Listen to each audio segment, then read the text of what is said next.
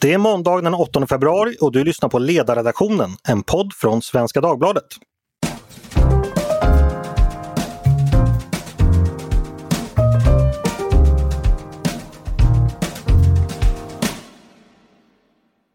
Jag heter Andreas Eriksson. Varmt välkomna till dagens avsnitt av Ledarredaktionen. Ämnet för dagens podd är inget mindre än Centerpartiet, detta fascinerande parti som ofta framstår som ett kryptiskt enigma för oss utomstående. Med mig för att grotta i Centerpartiets inre liv och förhoppningsvis komma fram till lite nya lärdomar har jag Julia Eriksson som är ordförande för Centerstudenter som är partiets oberoende studentorganisation. Välkommen hit till ledarredaktionen Julia! Tack så mycket! Och Olof Jonmyren som är politisk redaktör på C-märkta Södermanlands Nyheter i Nyköping. Välkommen hit också Olof! Tack så mycket! Centerpartiet är då alltså dagens ämne. Eh, och det är alltså då partiet som en gång i tiden var med och byggde upp folkhemmet som koalitionspartner till socialdemokratin på 50-talet. Som på 70-talet blev det största icke-socialistiska partiet och den främsta rösten mot kärnkraftsutbyggnad. Eh, som ett tag samlade var fjärde sam väljare på den tiden och som ledde två borgerliga koalitionsregeringar mellan 1976 och 1982, varav båda fall föll samman. Som senare på 80 och 90-talet som ett lite mindre och kanske också lite mer vanligt borgerligt parti men som efter åren i Bildtregeringen på 90-talet blev, återigen blev socialdemokratisk samarbetspartner under åren 1995 till 1998. För att senare med hjälp av på den tiden mycket omtalade badtunnor och granplanteringar bli en av de verkligt starka tillskyndarna till allianssamarbetet i en tid då liberalismen blivit partiets ideologiska motor. För att sedan 2019 återigen börja stödja en socialdemokratisk regering i form av det som kallas januariavtalet av anhängarna eller januariöverenskommelsen eller göken av kritikerna. Den här vindlande banan gör ju att man som utstående kan bli lite fundersam över Centerpartiet. Var hör man egentligen hemma? Och vad är det som förklarar den ombytliga kursen? Är det partiet själv som förändras eller är det omvärlden? Men vi ska börja i någonting som ligger långt borta från historien, nämligen någonting dagsaktuellt, någonting som hände i helgen på partiets kommundagar. Bakgrunden var följande att Martin Ådahl som är en framträdande riksdagsledamot för partiet fick ett pris av Centerstudenter. Eh, priset hette Årets Centerparlamentariker 2020 som delades ut till honom med motiveringen eh, som följer. Till LOs stora förtret kommer arbetsmarknadens trösklar bli lägre. Årets Centerparlamentariker 2020 går till en person som drivit igenom vår tids största frihetsreform och en nära vän till Centerstudenter, alltså Martin Ådahl. Eh, so far so good. Problemet var att själva prisplaketten visade en bild som var en teckning där samma Ådahl står framför en LO-borg i, äh, framför LO-borgen i Stockholm. En LO-borg som står i ljusan låga. Sånt gör man inte ostraffat i svensk politik 2021 och reaktionerna på Twitter lät naturligtvis inte vänta på sig. LO-borgen symboliserade solidaritet, trygghet och omtanke för miljontals människor i vårt land. Bilden är chockerande och smaklös, twittrade den socialdemokratiska riksdagsledamoten Helene Pettersson. Här sätter, här sätter Centern eld på Sveriges löntagare och deras fackliga organisationer. Föraktet för vanliga arbetare sitter djupt i Centerleden. Osmakligt, förklarade Nooshi Dadgostar, partiledare för Vänsterpartiet. Och eh, LOs ordförande Susanna Gideonsson förklarade bistert att jag förutsätter att man ber 1,4 miljoner medlemmar om ursäkt. Centern har ett arbete att göra internt. De centerpolitiker som först verkade ganska glada och utmärkelsen fick plötsligt bråttom att förklara att det inte fanns något ont syfte bakom detta. Annie Lööf som först under bilden på den brinnande LO-borgen bara gratulerat Martin Ådahl förklarade nu att partiet tog totalt avstånd från bilden och även Martin Ådahl gjorde detsamma. Nu kan ju episod, den här episoden låta som en storm i ett vattenglas och en sån här fånig Twitterstorm eh, som är optimerad just för sociala medier. Men jag får ändå för mig att ja, vi ska bara kort reda ut det här. Julia, det är du som räcker över den här bilden till Martin Ådahl. Eh, kan du berätta, vad var det som hände och varför blev folk så arga tror du? Ja, men alltså det är ju Centerstudenters diplom till årets centerparlamentariker som sagt och det har alltid varit lite tillspetsat och satiriskt eh, om man kan säga så. Och det är ju lite synd att vår motivering och ganska högtidliga prisutdelning på kommunbögarna blev kidnappad av ett Twitter-brev i efterhand. Eh, och det är ju en väldigt det är en gammal och fin utmärkelse som har varit väldigt uppskattad under lång tid i Centerpartiet eh, som vi centerstudenter då delar ut. Och det har alltid hört till att man har delat ut någon typ av satiriskt diplom eller något annat skoj i motiveringen. Till exempel 1970 så valde vi att ge det till en norsk parlamentariker för att dåvarande styrelse formulerade det så som att det inte fanns någon värdig mottagare i det svenska parlamentet på den tiden. Mm. Eh, så, okay, så läget i partiet är i alla fall bättre nu än 1970? Ni behöver inte gå utomlands för att hitta lämpliga kandidater? Nej, gud nej, det behöver vi verkligen inte göra. Eh, det var väldigt roligt att dela ut det till Martin i år. Men det här med Twitterdrev, ser du, reaktionerna från vänster, hur ser du på dem? Var de genuint ledsna tror du? Eller var det här det vanliga tjafset eh, där man försöker missförstå politiska motståndare och alltid låtsas som om de menar saker mycket värre än man i själva verket gjort? Jag är väldigt övertygad om det senare.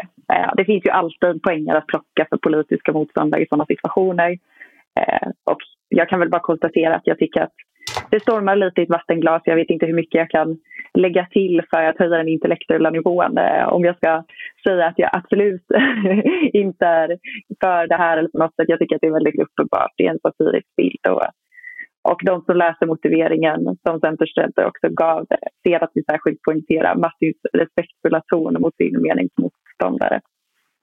Men okej, då lämnar vi LO-borgen åt sitt öde och hoppas att släktingsmanskap anländer snart eh, och pratar Centerpartiets utveckling i ett lite eh, större perspektiv. Olof, eh, från ditt perspektiv som politisk redaktör då med viss anknytning till partiet. Eh, vad tänkte du för två år sedan när Centern valde att gå med i januarisamarbetet? Eh, blev du förvånad? Eh, eller ja, vad tänkte du? Ja, jag blev till viss del förvånad. Eh, jag trodde att den alliansidentitet som partiet hade byggt på under så många år eh, satt starkare i ryggmärgen än vad den gjorde. Ehm, jag tror att det var så här att många hade nog minnen Eh, av hur Centerpartiet tog ansvar på 90-talet. Det som kallades eh, krissamarbetet med Socialdemokraterna. Då, då gick man över blockgränsen men fick betala ett väldigt högt pris opinionsmässigt, inte minst. Men också själva samarbetet med S ledde inte till ett ökat förtroende mellan partierna. Och det där har man burit med sig länge tror jag. Det var ju snarare så att många centerpartister minns det där som att C fick ta skulden för mycket av de hårda åtstramningsbesluten. Inte minst när S valde att kanalisera det via LO som pratade med sina medlemmar. Ja, bara för att återknyta lite till det vi diskuterade tidigare. Eh, att det blev ett ja, det har att göra med att eh, ja, Annie Lööf fick ett, ett erbjudande hon inte kunde säga nej till helt enkelt. Sakinnehållet var så pass starkt. Plus, och det här tror jag inte vi pratar tillräckligt mycket om, inom Centerpartiet så finns det en stark pragmatisk ådra. Eh, man löser problem, man tar i om det krävs och det här gör man i kommuner och i regioner till vardags med olika samarbetspartners. Och jag tror att i sista stund så var det rösterna från de samarbetsmiljöerna som övertygade partiledningen om helheten i att varför man skulle säga ja till januariavtalet. Jag är fortfarande skeptisk men i mindre mån än vad jag var från början. Eh, om jag ska vända mig till dig Julia, eh, Centerstudenterna var ju, det var ju era representanter som var de enda som i eh, partistyrelsen röstade, eller var det representantskapet möjligtvis, som röstade nej till eh, januariavtalet. Eh, skulle ni fortfarande säga nej nu om chansen uppstod? Det beror helt på eh, egentligen hur de andra alternativen ser ut. Men jag kan väl bara svara som sagt för mig och för Centerstudenter. Och det viktigaste för oss är att det finns förutsättningar att driva liberal politik snarare än att diskutera var och när man, hur man stödjer andra partier. Eh, och vi vet att Centerpartiet fortfarande driver en politik som många moderater och liberaler är för. Eh, och hur mycket man ska eller kan kompromissa vid men, en kommande regeringsfråga beror ju på att man alla vet hur nästa val går. Men där tycker jag att det är viktigt att Centerpartiets stöd till regeringar som de inte ingår i, det tycker jag ska villkoras med krav på stora reformer och vad vi tycker är viktigt och vilka tydliga gränser man sätter kring vad man inte kompromissar med. Men eh, så här två år in i samarbetet lite drygt, hur nöjd är du med det sakpolitiska utfallet so far? Jag tycker att det finns, alltså det finns många saker som Centerpartiet har lyckats att driva igenom januari-samarbetet och en av de motiveringarna som bland annat som låg till grund för vår prisutdelning till Martin Ådahl nu nyligen var ju hans gedigna arbete med arbetsrätten till exempel som har varit en sån brännande fråga där det krävs reformer för att unga människor inte minst men också människor som, som på något sätt liksom står utanför arbetsmarknaden idag måste få en chans att komma in. Eh, så det, det skulle jag säga att jag är nöjd med. Men sen finns det ju mycket frågor som inte är färdiga än, som man inte vet om det kommer att drivas igenom. Eh, men jag skulle väl vilja, till, mot bakgrund av vad Olof sa tidigare också, att det har gått bättre än vad jag trott. Men jag tycker fortfarande att det saknas en hel del reformer som jag gärna hade sett genomföras eh, under de här åren som verkligen efterfrågas. Vilka då? Jag tycker att skolfrågan är en sån fråga. Eh, jag tycker också att det behövs väldigt stora... Det behövs nya typer av välfärdsreformer. Eh, det ser man inte minst under den här eh, pandemin som vi fortfarande är i. Men eh, att det får liksom inte... Vår, vår välfärdsstat måste på något sätt kunna... Vi måste kunna garantera en effektivitet där som inte bara handlar om att det måste tryckas in mer och mer pengar hela tiden för att vår demografiska situation kommer att förändras och vi kommer inte ge dem förutsättningar. Vi måste ha en effektivare välfärdsstat och vi måste kunna garantera att staten lever upp till sina kärnuppgifter.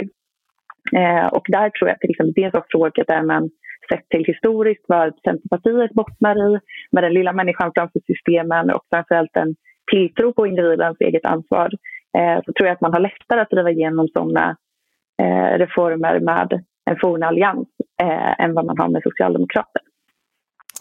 Ett gammalt, annat gammalt alliansparti det är ju Liberalerna eh, och där hör man, trots att det är ett och ett halvt år kvar till valet, redan röster att man vill lämna januarisamarbetet. Eh, vi diskuterade detta i podden förra veckan för de som lyssnade. Om Liberalerna av någon anledning skulle säga upp sin medverkan i avtalet och inte medverka i nästa budgetsamarbete, eh, hur påverkar det Centerpartiet? Olof, har du några tankar kring detta? Alltså, hoppar Liberalerna av, då finns inte Centerpartiet med i något avtal. Jag tror att det Annie Lööf sa eh, nyligen är så att säga att är det fyra parter så, och en backar ur, då finns inte längre avtalet och jag tror hon menar det. För att eh, jag menar i slutändan så, så kanske det blir så att statsministern inte ändras men samarbetsformerna är något annat. Och om L inte längre finns med, ja, då hänger ju allt budgetarbete på någon enstaka röst och det är rätt mycket risk att ta i ett, i en, i ett sammanhang där man då är den enda kvarvarande liberala kraften. Julia, har du några tankar om det? Ja, jag kan väl bara instämma i Olofs analys. Eh, och hur partiet tänker den frågan så lämnar jag, det lämnar jag till, det, till partiets företrädare att kommentera. Men Eh, man har ju varit tydlig med att JA är ett avtal som har ingått mellan fyra parter och lämnar en part så finns det inget eh, avtal. Eh, det har man ju sagt i ett antal externa intervjuer. Sen är det ju ingen hemlighet att Centerpartiet som parti mår bättre av att Liberalerna inte står och stampar mitt i ett vägval såklart. Mm. Jag såg, eh, Annie Lööf var ju med i det här programmet på SVT som hette 30 minuter förra veckan och då pratades det förstås om det här och då gav hon ju det beskedet ni, ni säger också att hoppar Liberalerna av så finns inte avtalet längre. Men hon sa då också att hon tar Liberalernas hot om att lämna januariavtalet med ro. Tror ni att hon är så lugn som hon vill ge sken av? Nej, det tror jag Nej. Alltså det kan man inte vara. Man kan inte sitta still i, i, i båten och tro att allting löser sig. Som partiledare måste man alltid vara förberedd på att det finns olika scenarier. Jag är helt övertygad om att Annie Lööf har tänkt sig hur hon ska agera utifall att det går som inte hon har tänkt sig så måste man ju agera. Eh, den lugna ytan handlar ju också om att delvis vara kommunicera att man är säker på sitt eget vägval. Och vad blir det vägvalet då ifall Liberalerna verkligen skulle göra allvar av det här hotet? Ja, då, då har du inte längre ett regeringssamarbete. Och då är det väl så att då, om någon väcker misstroende i riksdagen, ja, då är det stor sannolikhet att den regeringen faller. Och då kan det bli aktuellt med att försöka hitta nya eh, konstellationer. Eh, och en sak som har diskuterats, jag vet inte om ni, ni läste det, men jag läste eh, Jonas Sjöstedt skrev i Dagens Arena, eh, jag tror det var i förra veckan, eh, en artikel som jag tyckte var lite intressant under rubriken Det är Centerpartiet, inte Liberalerna som avgör regeringens öde. Eh, och där menade han då att om Liberalerna hoppar av så borde då Centerpartiet byta kurs och eh, börjat acceptera ett samarbete med Vänsterpartiet. Det är helt enkelt att i januarisamarbetet skulle Liberalerna åka ut och Vänsterpartiet in. Sjöstedt skrev då, då att för Centerpartiet finns bara svåra vägar att välja och det går inte att komma undan valet. Och det är väl lite slutsats som jag delar där. Jag tror Sjöstedt har rätt. Eh, sen tror jag inte hans lösning som han pläderar är så självklart att man skulle börja förhandla med Vänsterpartiet. Men han gör i alla fall en stark argumentation för det. Han skriver bland annat att i andra nordiska länder så finns det samarbete mellan deras motsvarighet till Centerpartiet, deras motsvarighet till Vänsterpartiet och att man samarbetar på många håll i, runt om i kommuner och regioner. Och att det finns en viss historia av samarbete också, bland annat eh, energiöverenskommelser på 1990-talet, folkomröstningen om kärnkraft och EMU längre tillbaka. Är det så osannolikt som vissa säger att eh, Centern skulle kunna öppna för ett samarbete med Vänsterpartiet? Vad tror ni? Nej men alltså, det är såklart det är en svår fråga för mig att svara på men om jag ska, om jag ska svara utifrån mitt perspektiv som centerstudent så tycker jag jag anser väl att det är ganska svårt. Eh, den lösningen som du säger den är inte så lätt som Jonas Sjöstedt eh, ger sken av. Och en av de anledningarna är ju att jag ser eh, ett Centerparti som fokuserar otroligt mycket på sakpolitiken just nu. Man har verkligen kommit in i det. Och det är svårt att hitta en överenskommelse för att stötta en regering tillsammans med Vänsterpartiet i den sakpolitik som Centerpartiet företräder och vill få igenom. Och jag, som jag sa innan, jag tycker att det är viktigt att man är säker i den vilken sakpolitisk utveckling man vill se, vilka reformer man tycker är nödvändiga och att det är det som ska ligga till grund för vilken regering man väljer att stödja. Och där tror jag att oavsett vad man, vad man liksom skulle kunna tänka sig att Centerpartiet skulle kunna enas om med Vänsterpartiet så tror jag att det, är det är svårt att hitta de gemensamma ekonomiska liksom, utgångspunkterna för ett sådant samarbete. Olof, vad säger du? Ja, men, men så är det ju. Ska du ha ett samarbete så måste man kunna komma överens om grundläggande linjer i en statsbudget och där är ju avstånden väldigt stora. Man ska komma ihåg att avstånden mellan Centerpartiet och Vänsterpartiet har alltid varit stora, även på den tiden när andra brukade prata illa om Centern genom att kalla dem Åsa-Nisse-marxister, så var det fortfarande skillnad på där Centern fanns och där Vänstern fanns. Det var en annan tid, man ska inte jämföra det, men det, det finns fortfarande ganska stora grundläggande skillnader som gör det omöjligt, tror jag, att eh, sätta sig ner och, och, sätta ramverket för en budget som tar Sverige någonstans. Det, jag, jag ser inte den, det, den möjligheten i nuläget. Trots att Jonas Sjöstedt och Annie Lööf kom ju väl överens personligen och gillade tydligen att diskutera sina ideologiska motsättningar. Men att därifrån komma, ner, komma till ett läge där man kan liksom brotta sig samman till något funktionellt som utgör minsta gemensamma nämnare. Nej, det är svårt. Jag, jag har svårt att se att det ska kunna göra något tillräckligt attraktivt för Centerns del, men kanske också igen, i slutänden tillräckligt attraktivt för Vänsterpartiets del. Ni såg ju hur Nooshi Dadgostar eh, uttalade sig om Centerpartiet nu i samband med den här Twitterstormen. Jag menar, det är ju inte en slump. Det, det, finns ju där och den misstron är total och den är lika hård från Centerns sida tillbaka mot V, det ska man ha klart för sig. Men det har ju hänt att man har ändrat sig tidigare och misstro har ju funnits mellan socialdemokratin och Centerpartiet tidigare och finns väl i viss mån fortfarande. Alltså i ett mm. väl skarpt läge, för man har ju markerat så oerhört tydligt mot att Sverigedemokraterna aldrig ska få något inflytande. Och, och det, det har, där finns ju ett reellt hot idag att, så att säga, Moderaterna och KD skulle bilda en regering och få stöd av Sverigedemokraterna. Är det, skulle man inte i det läget vara beredd att ompröva trots allt? Det här, här, här kommer ju konflikten mellan pragmatiken och idépolitikern att ställas på sin spets. Och jag tror att det ska väldigt mycket till innan Centerpartiet eh, dagtingar med sin övertygelse så pass att man kan sätta sig ner i ett ordnat samarbete med Vänsterpartiet. Jag, jag har bara väldigt, väldigt svårt att se det. Jag kan förstå problemsättningen så att säga. Men, men i slutändan måste man inom se och komma över då den historiska motsättningarna, att Vänsterpartiet är ett mycket mer uttalat socialistiskt parti än vad Socialdemokraterna är, att Vänsterpartiet drivs av antikapitalism och hur detta sedan ska påverka en politik för den enskilda medborgarens vardagsfrihet i allt från privatekonomi till valfrihet och äganderätt. Det, det är rätt så stora hinder på den 110 meter häckbanan om man säger så. Det är lätt att snubbla redan på första. Vad säger du Julia? Jag tänker speciellt på, på om jag citerar Sjöstedt igen. För Centerpartiet finns bara svår, svåra vägar att välja, men det går inte att komma undan valet. Har han inte en poäng där? Jo, men det tror jag absolut. Det undgår nog ingen att eh, det är så det ser ut lite.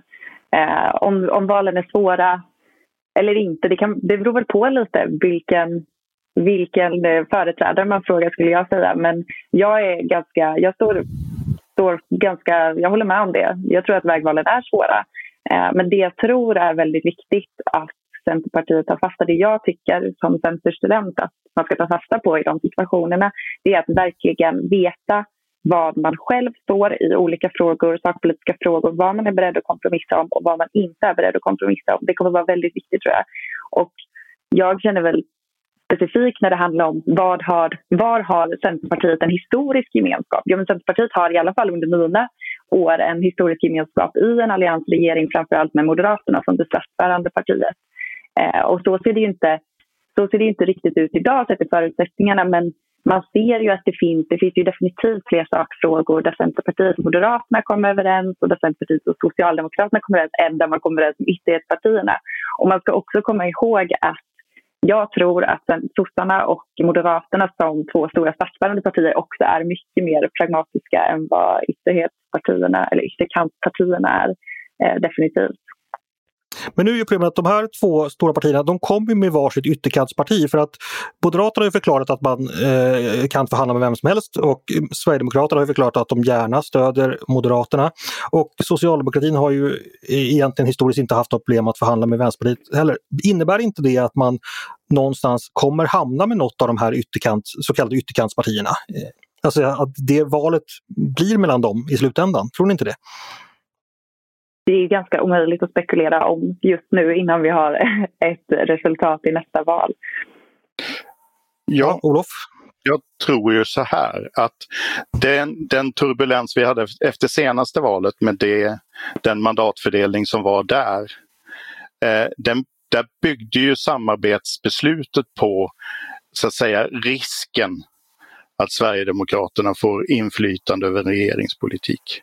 Jag tror att ska du ska du ta ännu större nödbeslut, då blir det snarare i ett läge där det är uppenbart att Sverigedemokraterna har ett, eh, ett starkt och tydligt inflytande. Så att, eh, alltså jag tror att det har att göra med, med hur pass allvarligt hotet är. Jag tror inte bara riskbilden kommer att vara tillräckligt för att övertyga Centerpartiet att man måste göra upp med Vänsterpartiet. Vi ska ta, hoppa lite vidare. Jag funderar över väljarna. Eh, I valet 2018 så fick eh, Centern 8,6 procent av rösterna. Och det är ungefär där man ligger kvar idag. Jag tror parti, eh, opinionsstödet är drygt 8 procent idag. Eh, och det är ju ganska höga siffror, alltså inte om man går tillbaka historiskt men om man tittar i en någorlunda samtid så är det ganska höga siffror för, för Centerpartiet. Vad betyder väljarstödet för, för Annie Lööfs val och Centerledningens val just nu? Eh, och vad har man för förhoppningar där inför framtiden? Vad tror du Julia? Ja, men jag, jag tror att det, det betyder såklart mycket. Eh, det, ska man väl, det, det, kan man ju anta att det gör och eh, jag tror att, att det är en trygghet såklart eh, efter ja, men både ganska turbulenta och liksom, tider i samhället med en pandemi men också med nya sätt att regera i Sverige eh, sett till vad vi har gjort traditionellt sett. Eh, samtidigt så hoppas jag att man på något sätt också våga se utanför opinionssiffror och våga tänka kring vad Centerpartiet faktiskt kan ta som för position som ett, ja men utifrån väljarna, ett starkt mittenparti. Eh, och det tror jag att man ska bara både våga och vilja utveckla ordentligt och att man kanske vågar positionera sig. Det hoppas jag och Centerpartiet har ju drivit politik för att Centerpartiet ska bli en bredare, ett bredare parti, att man vågar profilera sig i fler frågor och liknande. Vad säger du Olof, väljarstödets betydelse för eh, partiets vägval? Jag tror att det här väljarstödet som är nu, där det ligger ungefär stilla och ibland till och med lite upp, är den typ av bekräftelse som Centerledningen vill ha för att säga att vi gjorde ett korrekt vägval. Det tror jag är grejen.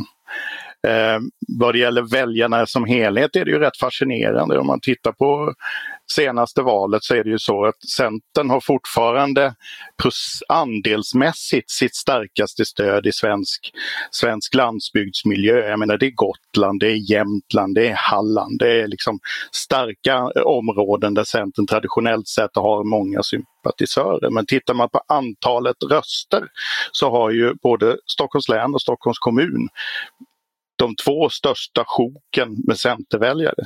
Det där påverkar ju också hur partiet ser sig självt över tid, tror jag. Mm.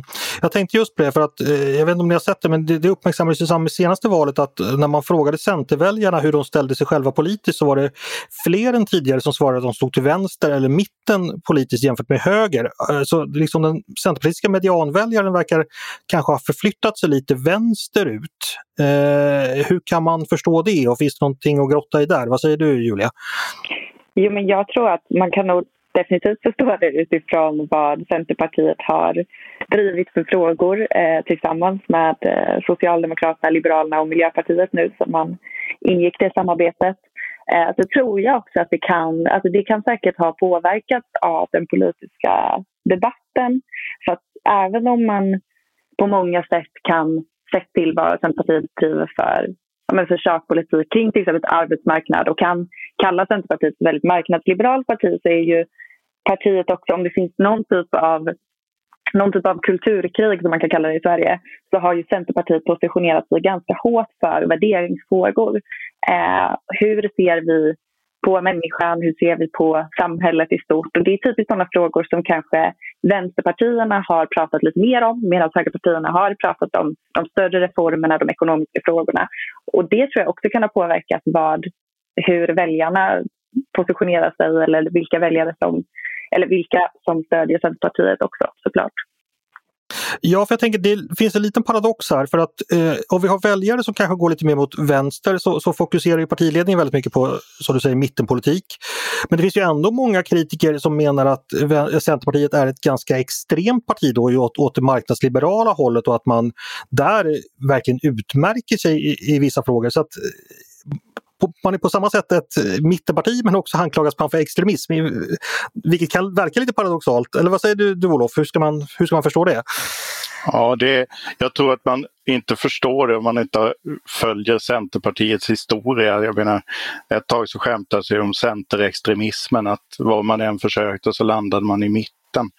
Eh, men jag, jag, tror att det är rätt fascinerande så att Centerpartiet är det parti som på något sätt kan samla en ganska spretig inre bild till en enhet och det, det har att göra med den grundläggande pragmatiska eh, inställningen. Plus att man på senare tid har blivit väldigt mycket tydligare, precis som Julia säger, i värdegrund och värdepositioneringsfrågor. Och det går tillbaka till eh, Maud Olofssons tid men också till det Annie Lööf genomförde med sitt idéprogramsarbete i början. Att man står säkrare där var, var, hur man ser på sig själva och sina värden. Det, jag är fascinerad över att ett, en del av Centerväljarna så, så ganska följsamt plötsligt börjar beskriva sig själva som, som vänster. Jag är inte hundraprocentigt övertygad om att det är andra väljare. Jag tror att det är många Centerväljare som så att säga pragmatiskt anpassa sitt fotfäste utifrån hur dagspolitiken förändras. Mitten är ju en rörlig massa på något sätt. Jag tänkte om vi ska då helt fräckt strunta i sakpolitik bara för en sekund och, och diskutera strategi så är det så att januariens arbete får betraktas som en socialdemokratisk jackpot rent strategiskt. Det är ju, därigenom realiserade Löfven det som har varit socialdemokratins strategiska mål egentligen alltid, det är att isolera Moderaterna och isolera högern. Eh, och det har ju gått ganska bra i och med att sprickorna inom borgerligheten snarare har ökat än minskat sedan samarbetet inleddes. Gränsen mellan anständighet och oanständighet i politiken dras allt oftare, även av centerpartister och liberaler, mellan de egna partierna å ena sidan och de forna alliansparterna M och KD å andra sidan och givetvis SD också. Vad hur känner man inom C för den utvecklingen tror ni? Är man medveten om att, så att, säga, att man agerar inom den här socialdemokratiska maktstrategin? Bryr man sig om det eller tycker man att sakpolitiken överväger? Har ni några tankar kring det? Eh, ja, egentligen båda. Vad säger du Julia? Ja, men jag, jag är väl ganska... Jag tror att det, den bilden jag har fått är att sakpolitiken överväger, alltså den trumfar. Det är mycket politik som Centerpartiet vill genomföra som ligger till grund för att man stödjer den här regeringen som sitter nu. Eh, och huruvida man ser det som en socialdemokratisk maktstrategi eller inte, det spelar nog inte så stor roll så länge man får igenom de punkterna man vill få igenom i januariavtalet. Mm. Vad säger du Olof? Alltså jag tror att det är så här, jag tror att det har pågått ett ganska, vid sidan av det liksom pragmatiska, det sakpolitiska. Om vi, om vi hoppar den delen så kan man ju titta på vad har hänt rent inställningsmässigt. Jo, jag tror att Centern hade investerat, eller Centerpartiet som helhet hade investerat väldigt mycket i i allianssamarbetet. Och när man väl valde att ta steget därifrån, vilket man gjorde och gav socialdemokratin betalt för sin strategi, det ska vi säga. Så kom det också med ett, ett sorgarbete för att mm, under lång tid så var det så att Alliansen byggde på att Centern och Moderaterna plötsligt såg varandra i ögonen, tog i hand och var överens om vart man skulle ta vägen. Plötsligt gick det över till ett läge där det var två före detta polare som knappt hälsade på varandra på stan. Och den den resan gick nog fortare och hade kraftigare sväng än vad många trodde att det skulle göra. Det, det tror jag. Eh, så strategiskt ser man, ser man nog ett bekymmer i att Moderaternas av, avståndet till Moderaterna är så pass mycket större just nu än vad det var i ingången av det här januariavtalet. Det, det, det är det. Jag tror inte man hade räknat med att repelleringseffekten skulle bli så stark. Faktiskt. Okej, okay, så det var lite en överraskning då kanske? Ja, och eh, i kraften i avståndstagande. Moderaterna har ju kört rätt hårt med att markera mot Centern.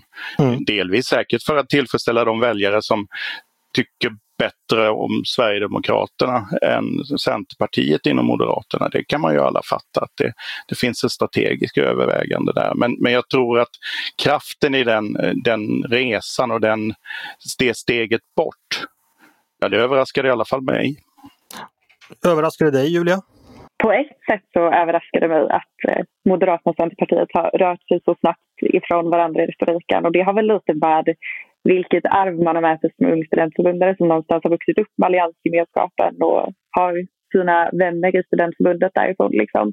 Men jag tror också att man ska nog inte glömma att Moderaterna stod ändå i ett, ett ganska knepigt läge under alltså, samtidigt som det förra valet men också efter partiledarbyte samtidigt. De, de har ju behövt profilera sig ganska hårt för att på något sätt vinna tillbaka eh, opinion som kanske traditionellt varit höger men inte riktigt har hittat någon, något, något alternativ där. Eh, och det är väl det som har gjort att man i vissa frågor har, har positionerat sig väldigt hårt, positionerat sig mot Centerpartiet framförallt som ett, som ett högerparti forna högerpartierna som nu regerar eller stödjer en socialdemokratisk regering. Eh, så visst, det är överraskande men samtidigt sett till alltså det strategiska är kanske inte jätteöverraskande tycker jag. Hörrni, vi eh, kommer behöva avrunda nu. En sista fråga hör då till er. Eh, vi har ett val nästa höst. Eh, Annie Lööf kommer naturligtvis då att förföljas av samma frågor som inför förra valet om regeringsfrågan. Vad tror ni Centerpartiet kommer ge för besked där vi går in i nästa valrörelse? Olof, vad tror du? Jag tror så här att hon kommer att säga att Centerpartiet går till val som ett fritt grönt liberalt parti utan färdiga allianser eller koalitioner. Det var uppenbart att det är den strategin hon har lagt in. Och till det kommer hon att lägga ja till Kristersson om man dumpar SD och ja till Löfven om man har något att komma med utan Vänsterpartiet önsketänkande för vissa, men, men det är nog en strategisk utgångspunkt som man kan ha. Finns det något utöver detta? Ja, det är ju två lägen då. Alltså, vad har Kristersson för plan att han ska lösa situationen om inte SD räcker till som regeringsunderlag tillsammans med KD och möjligtvis L? Har han, för att den, den frågan måste ju också upp på bordet. Och ska se köpa något annat, även om det då är, är någonting från Kristersson eller någonting som inte är vad man vill ha från Löfven. Ja, då är frågan vad, vad man får för betalt i utbyte istället. Då måste det vara något riktigt bra. Jag vet inte, men det är klart att förhandlingsfrågan är ju alltid fri och vem som blir statsminister är alltid öppet race. Det behöver ju inte nödvändigtvis bli det största partiet. Vad tror du Julia, vad kommer Annie Lööf säga när reportrarna eh, kretsar kring henne i nästa val när de vill pressa henne om regeringsfrågan? Ja, alltså jag tror, jag, in, jag kan nog bara instämma med vad Olof tror. Jag håller med om det. Eh, jag tror också, mot bakgrund av vad som har diskuterats i den stora samhällsdebatten efter förra regeringsbildningen, att det här med att gå till val som allianser eller block Eh, det är nog ingenting som kommer vara en självklarhet inför nästa val och det kommer definitivt inte vara en självklarhet eh, för, för mittenpartierna, det tror jag inte. Och jag tror att Centerpartiet kommer att, kommer att få hitta en Jag hoppas de hittar en position där de kan gå till val på tydliga sak, sakpolitiska förslag. Eh, det tror jag att vårt parti mår bra av. Stort tack för det. Det är långt till nästa val, eh, men vi hinner säkert återkomma till frågan många gånger innan dess. Eh, stort tack Olof och Julia för att du ville vara med och prata. Tack så mycket. Tack, tack. Eh, ni har lyssnat på Ledarredaktionen, en podd från Svenska Dagbladet. Eh, ni är varmt välkomna att höra av er till redaktionen med tankar och synpunkter på det vi har diskuterat. Eh, och, eller, och är det så att ni har tankar om det Olof och Julia har sagt så kan jag vidarebefordra det. Ni får också jättegärna höra av er om ni har idéer eller förslag på saker vi borde ta upp i framtiden. Det är bara att mejla till ledarsidan svd.se. Tack för idag! Jag heter Andreas Eriksson. Jag hoppas att vi hörs igen snart.